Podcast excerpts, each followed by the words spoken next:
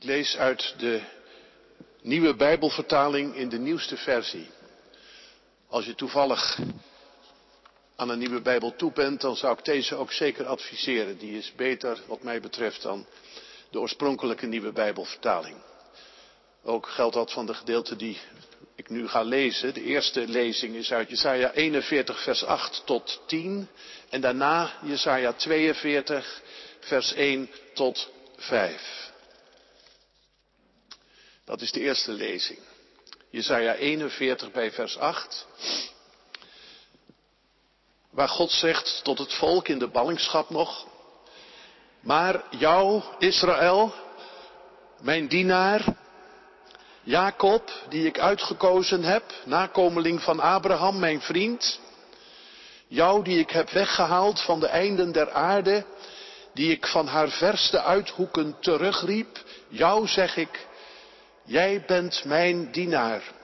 Jou heb ik uitgekozen. Ik heb je niet afgewezen. Wees niet bang, want ik ben bij je. Vrees niet, want ik ben je God. Ik zal je sterken, ik zal je helpen, je steunen met mijn bevrijdende rechterhand. Hoofdstuk 42. Hier is mijn dienaar. Hem zal ik steunen. Hij is mijn uitverkorene. In hem vind ik vreugde.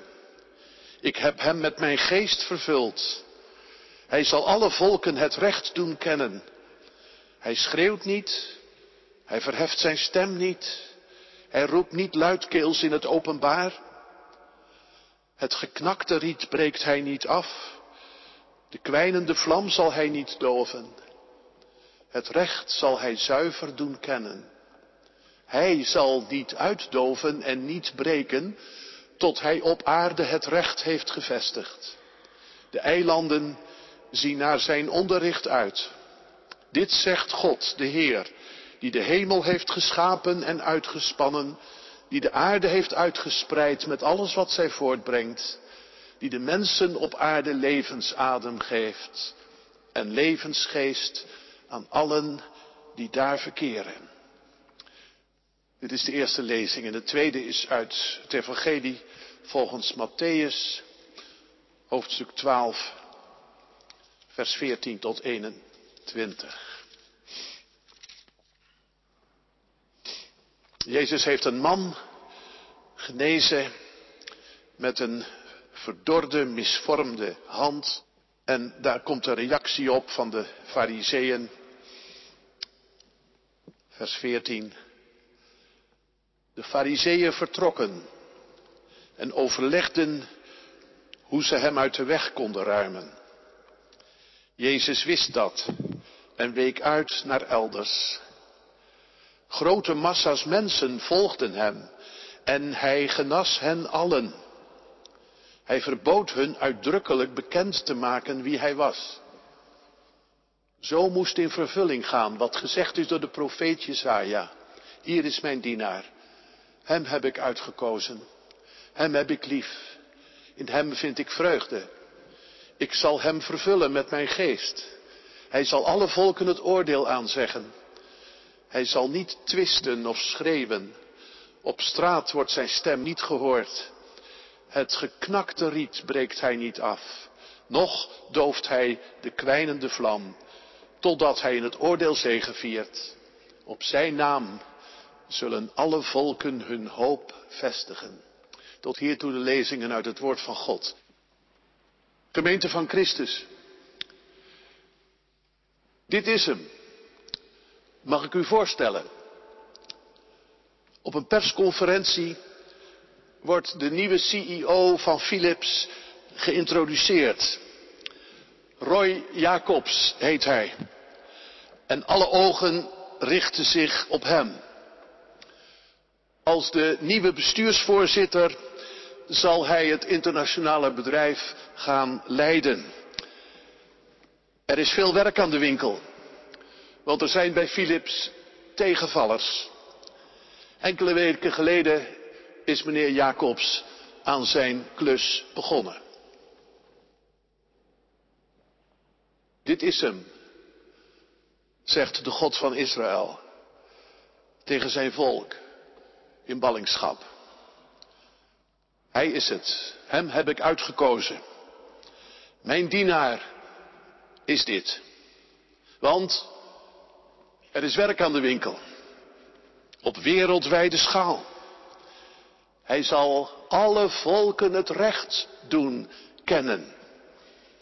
Dat wil zeggen, hij moet ze overtuigen en leren hoe je recht doet aan mensen. Want dat wil de God van Israël. Die pal staat voor gerechtigheid en die alle leugen haat. Wat een job moet dat zijn. Loodzwaar. Maar deze dienaar van de Heer heeft wel iets mee. Ik steun hem, zegt God. En ik heb hem met mijn geest vervuld. Zijn optreden zal vol zijn van de kracht van God. Dit is de man. Hoe word je dat? Hoe ben je dat geworden? Hoe krijg je zo'n positie? Bij een bedrijf als Philips kijken ze natuurlijk naar effectiviteit. Ben jij een effectieve leider? Dan wordt er om te beginnen gekeken of je al wat gepresteerd hebt. Dat was zo bij hem. Hij had er wat op zijn naam staan. Klussen met succes afgesloten. En ook zal belangrijk zijn, kun je ingrijpen. Zo nodig hard ingrijpen. Ben je een snelle denker?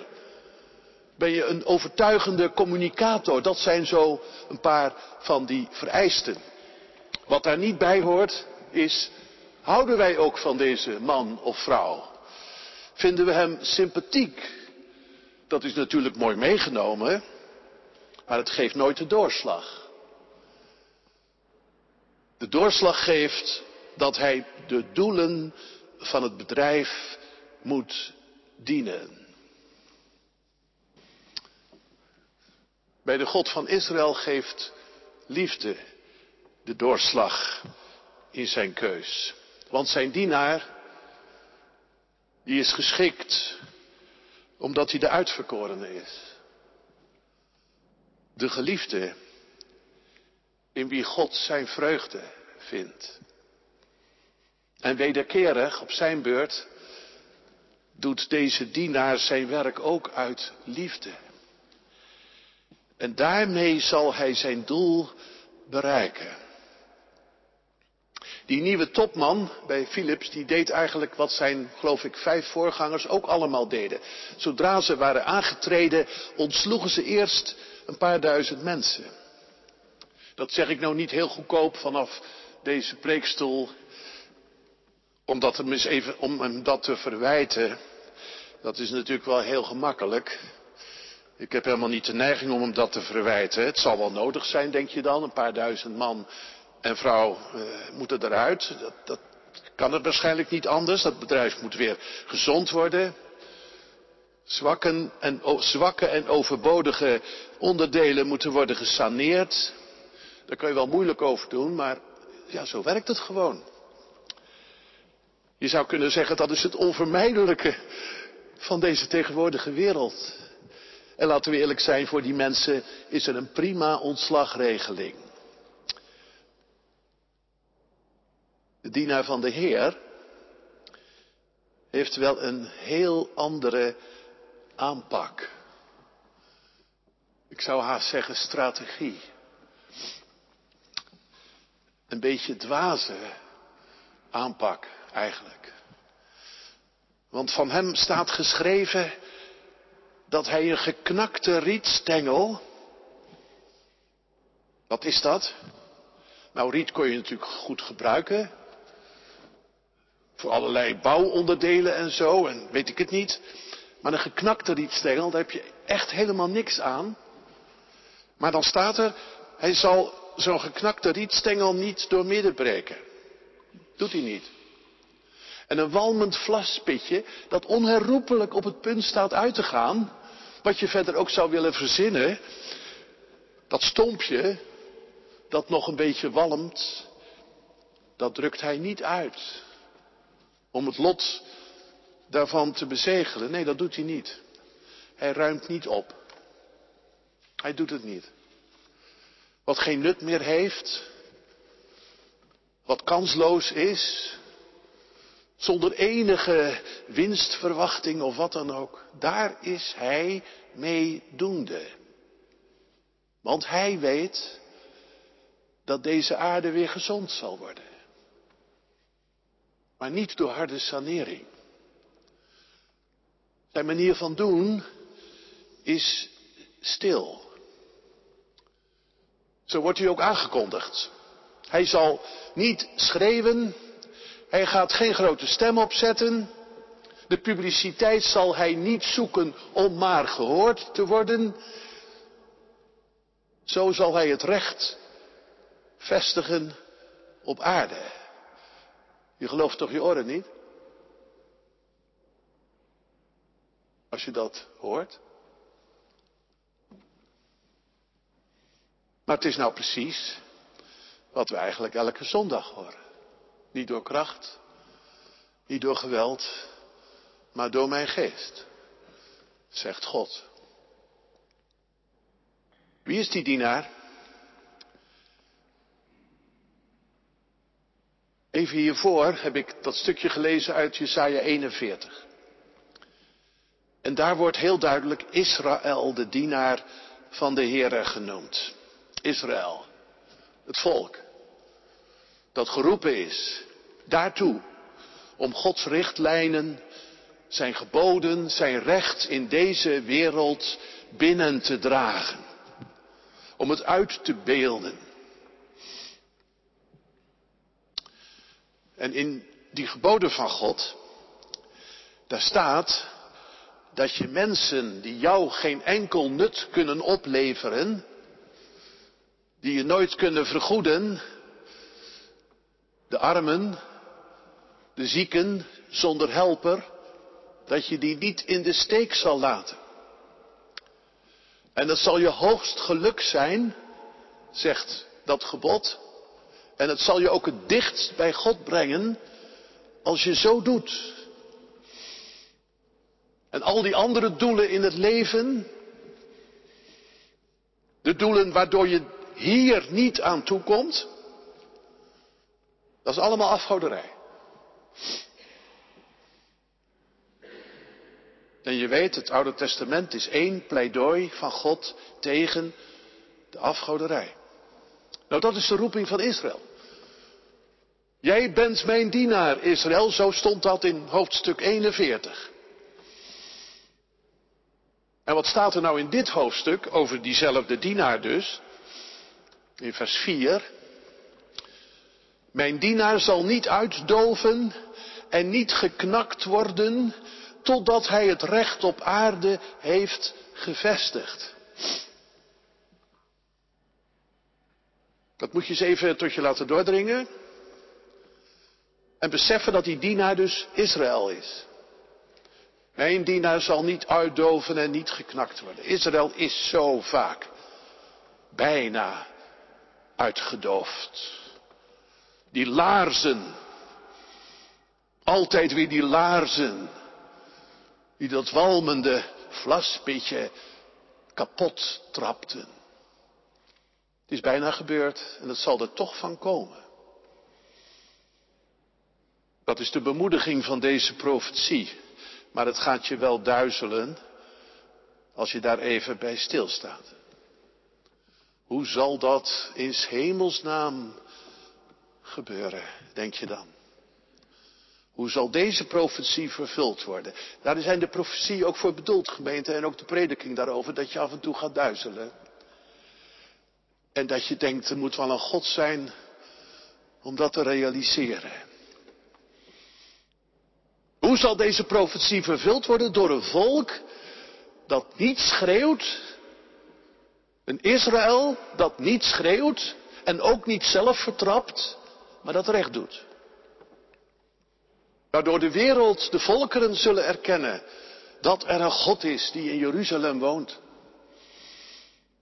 En er staat ook zo mooi dat de eilanden, wat denk je, de eilanden, zijn dat de Waddeneilanden of zo? Nee, De eilanden, dat is voor Israël dat wat op afstand ligt, in de verte ligt. Ook nog in die zee ligt, die duistere zee. De kustlanden wordt ook wel gezegd. De eilanden zien er naar uit, staat er. Om dat ook nog eens te leren van dit ene volk, dat zelf zo verstrooid werd naar alle windstreken. Misschien heeft God daar ook wel een bedoeling mee gehad. Met dat uitstrooien van Israël. Maar ja, u denkt ondertussen, die dienaar, die dienaar, is dat nou het volk Israël? Ik ben toch ook de preek begonnen met de introductie van een persoon. En die persoon is volgens Matthäus, volgens het Nieuwe Testament, de Heer Jezus. Zeker. In Jezus komt dat hele volk in een concentratie teruggebracht tot één, zou je kunnen zeggen, bij Jezus. Hij is de ene zoon van Israël, in wie dit uiteindelijk werkelijkheid is geworden en ook zal worden. als Matthäus hem ziet, hoe hij bezig is, terwijl vele scharen om hem heen zijn, als Matthäus dat ziet, dan ziet hij dat als de werkelijkheid van de profetie van Jezaja. Hij ziet het en hij schrijft op, zo ging in vervulling wat gezegd is door Jesaja. Hij ziet hoe Jezus al die zieke mensen geneest. De mensen die ziek waren in hun lijf en moe waren geworden in hun ziel. Dus niet alleen fysiek, maar ook psychisch. En weet u, ook door de godsdienst. Mensen kunnen zo ziek worden door de godsdienst. Ze voelen zich afgeschreven door geestelijke leiders. En dan komt Jezus.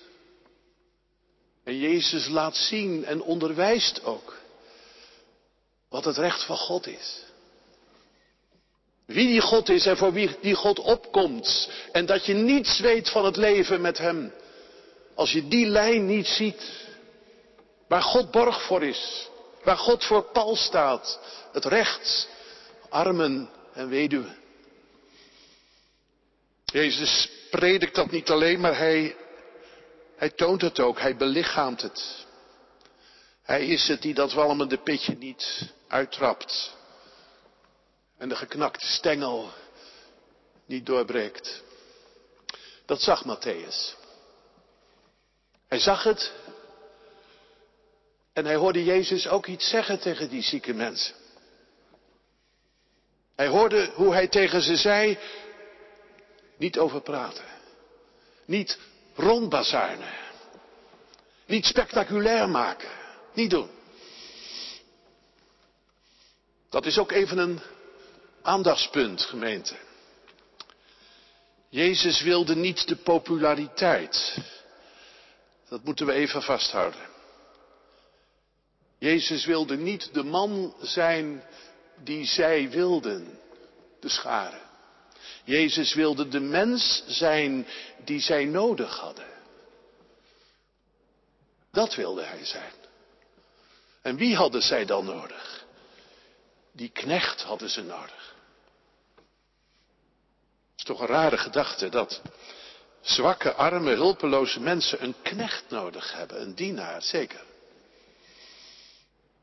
Een dienaar die zijn nederige dienst verricht aan zwakken en rustelozen. Kom bij mij. Jullie, jullie allemaal die vermoeid zijn en belast. Dat zei hij. Maar hij schreeuwde niet. Hij wilde niet indruk maken door zijn stem te verheffen. Dat is helemaal niet Jezus. Ja, zeg je maar, Jezus kon toch af en toe wel even flink uit de hoek komen. Dat is ook zo. Dat was een deel van zijn lijden. Wist je dat? Jezus was niet op uit om met de fariseeën en schriftgeleerden in debat, gegaan, in debat te gaan. Daar was hij niet op uit. Dan had hij wel in de politiek gegaan. Maar Jezus is ertoe gedreven. Het waren de nagels in zijn bestaan. Dat hij zo moest spreken. Hij was er niet op uit om de kampioen te worden van het volk. Hij wilde alleen maar zeggen wat hij moest zeggen.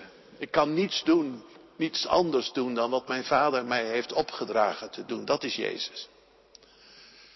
En wat vader hem had opgedragen, dat is het goede nieuws verkondigen. En omdat er zoveel tegenkrachten zijn, daarom, daarom moest hij ook wel eens, inderdaad, iets heel duidelijk zeggen. Maar hij zocht ze niet. Ze waren een deel van zijn kruis. Wat Jezus echt deed, was opkomen voor God. Voor het recht van God. Niet door er grote woorden over te spreken, maar door het te doen. Nou sta ik daar even bij stil. Hè? Die gedachte dat Jezus dus niet zozeer op populariteit uit was. En dat hij dus zei, bazuin het nou niet rond. Ga er niet mee de straat op. En Johannes, eh, pardon, Matthäus ziet dat als een, als een vervulling van die profetie van Jezaja. Hij zal zijn stem niet verheffen. Geldt dat nou ook nog vandaag? Dat is wel even een gevoelig punt. Ik, ik denk het namelijk wel. Kijk, Jezus heeft niet zoveel aan populariteit. Je mag hem vrijmoedig beleiden. Predikers staan, soms ook voor duizenden mensen, net als Jezus toen. Maar als Jezus nou degene is die onze sterren gaat supporten, als mensen gaan vertellen dat ze succes hebben dankzij Jezus, ik denk dat je dan eigenlijk beter je mond kan houden. En dat je dan beter aan doet om hem te volgen. Ook al ben je een topvoetballer. En misschien doen ze dat ook wel hoor. Ik bedoel het nou helemaal niet zo concreet iemand nou neer te zetten. Maar ik zie het wel gebeuren. En ik zie zelfs heel goed bedoelende christelijke kranten die dat al geweldig vinden. Hè? De populariteit van Jezus, gelukkig. Hij komt weer terug. Jesus is back. Nee. Wij hebben zijn naam hoog te houden door hem te volgen in dienstbare liefde en in fair play, ja. En als je dan zo bent, dan krijg je ook nog soms het kruis te dragen van onbegrip. Doe jij hier nou niet aan mee? Dat moeten we dan maar vrolijk dragen, in zekere zin. Want Jezus is de mens, de dienaar van God, die de walmende pit niet uittrapt en de geknakte stengel niet stuk breekt. Dat is zo stil. En dat is zo wezenlijk. Dat is zo gevoelig. Ook voor ons, hè. Als we achter Jezus aangaan, en dat willen we toch. Zo gevoelig. Iemand heeft ruzie gemaakt met jou. En je hoort tijd later dat hij helemaal vastloopt. Overspannen, knock-out. Het is niet moeilijk hoor, om hem of haar nu ook nog even de genadeklap toe te dienen. Al is het maar in je gedachten. Al is het maar hoe je er met anderen over praat. Heb jij het ook al gehoord van die? Ja, ja zeker. Nou, Mag ik hem even voorstellen, gemeente? Mag ik hem even voorstellen aan je? Dit is Jezus, de dienaar van God. Aangenaam, zeg je misschien? Aangenaam kennis te maken? Fijn dat ik u weer ontmoet. Dat is al heel wat waard hoor, als je dat zegt. Maar die Jezus die ik nou aan je voorstel, dat is ook jouw dienaar. Zo stel ik hem voor. Jouw dienaar. Die je komt bevrijden. van dat stuk breken dat je toch zo vaak doet. Met droge ogen. En van dat uitdoven, hè, dat onverdraaglijke in ons. En je weet het ook zelf. Hij is je dienaar. De enige manier hoor. De enige manier.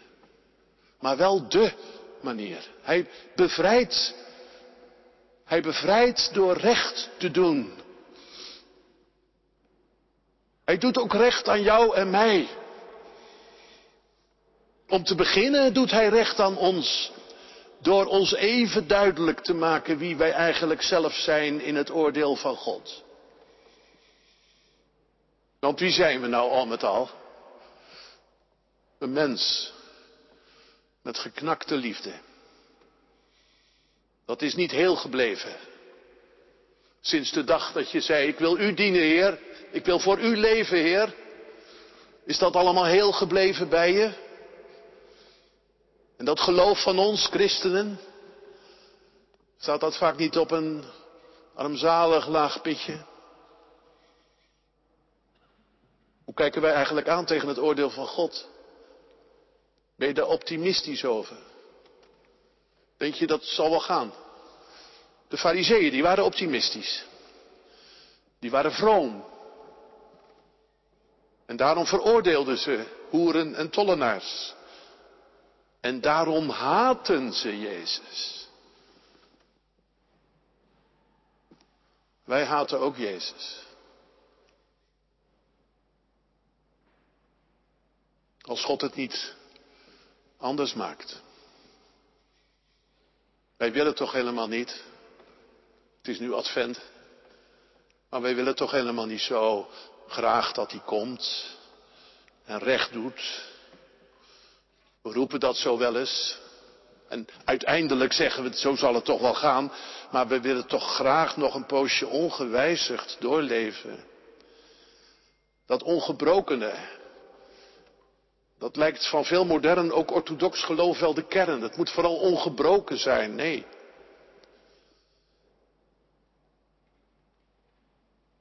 Dit is hem.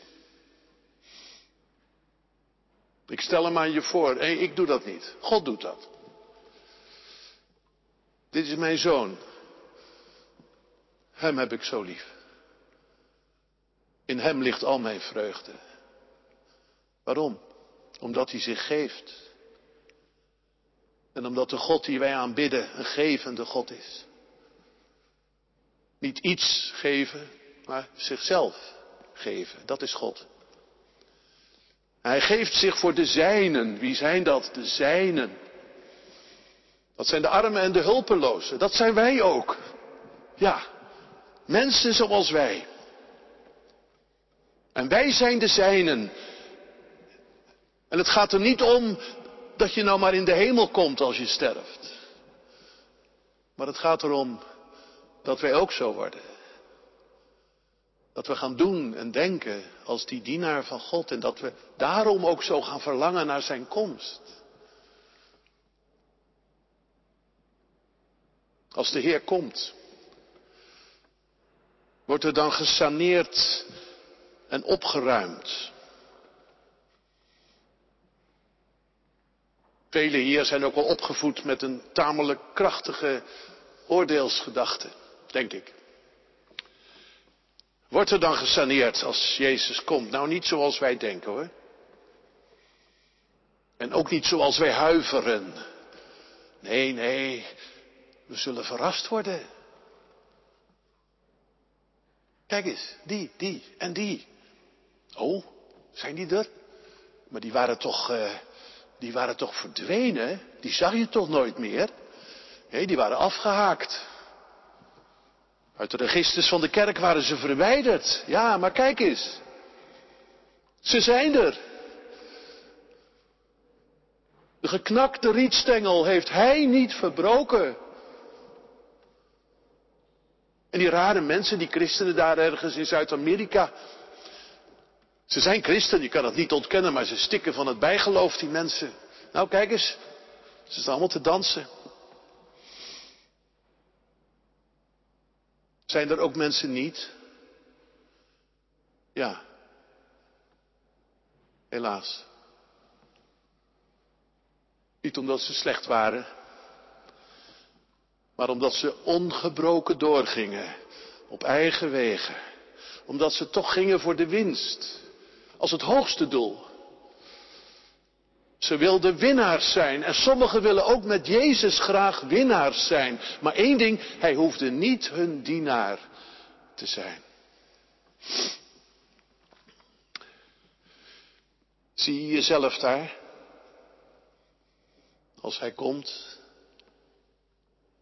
Als je nou soms angstig bent, dan zeg ik, wees niet bang. Hij weet ervan.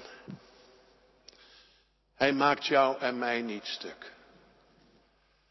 Er is zoveel rust bij Jezus. Maar je moet wakker worden.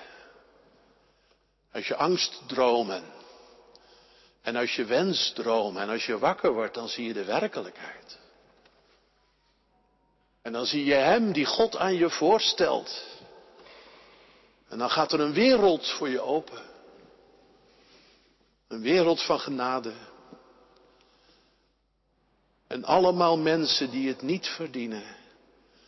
En voor wie het toch bestemd is. En dat geeft zo'n band. Naar God toe, maar ook naar elkaar toe. Een band die eigenlijk met niets te vergelijken is. En dan denk ik opeens weer aan die profetie. Wie is de dienaar? Dat is het hele volk. Dat er toch doorheen gekomen is. En dan komt dat zelfbewustzijn ook. Dat wij dat geroepen volk ook mogen zijn. Joden en heidenen samen. En dat wij, ik in dat volk, nederig mag dienen. En dat je dan ook ondertussen steeds meer dat gebed leert bidden. Kom, Heer Jezus. Kom. Laat die dag toch spoedig komen. Amen.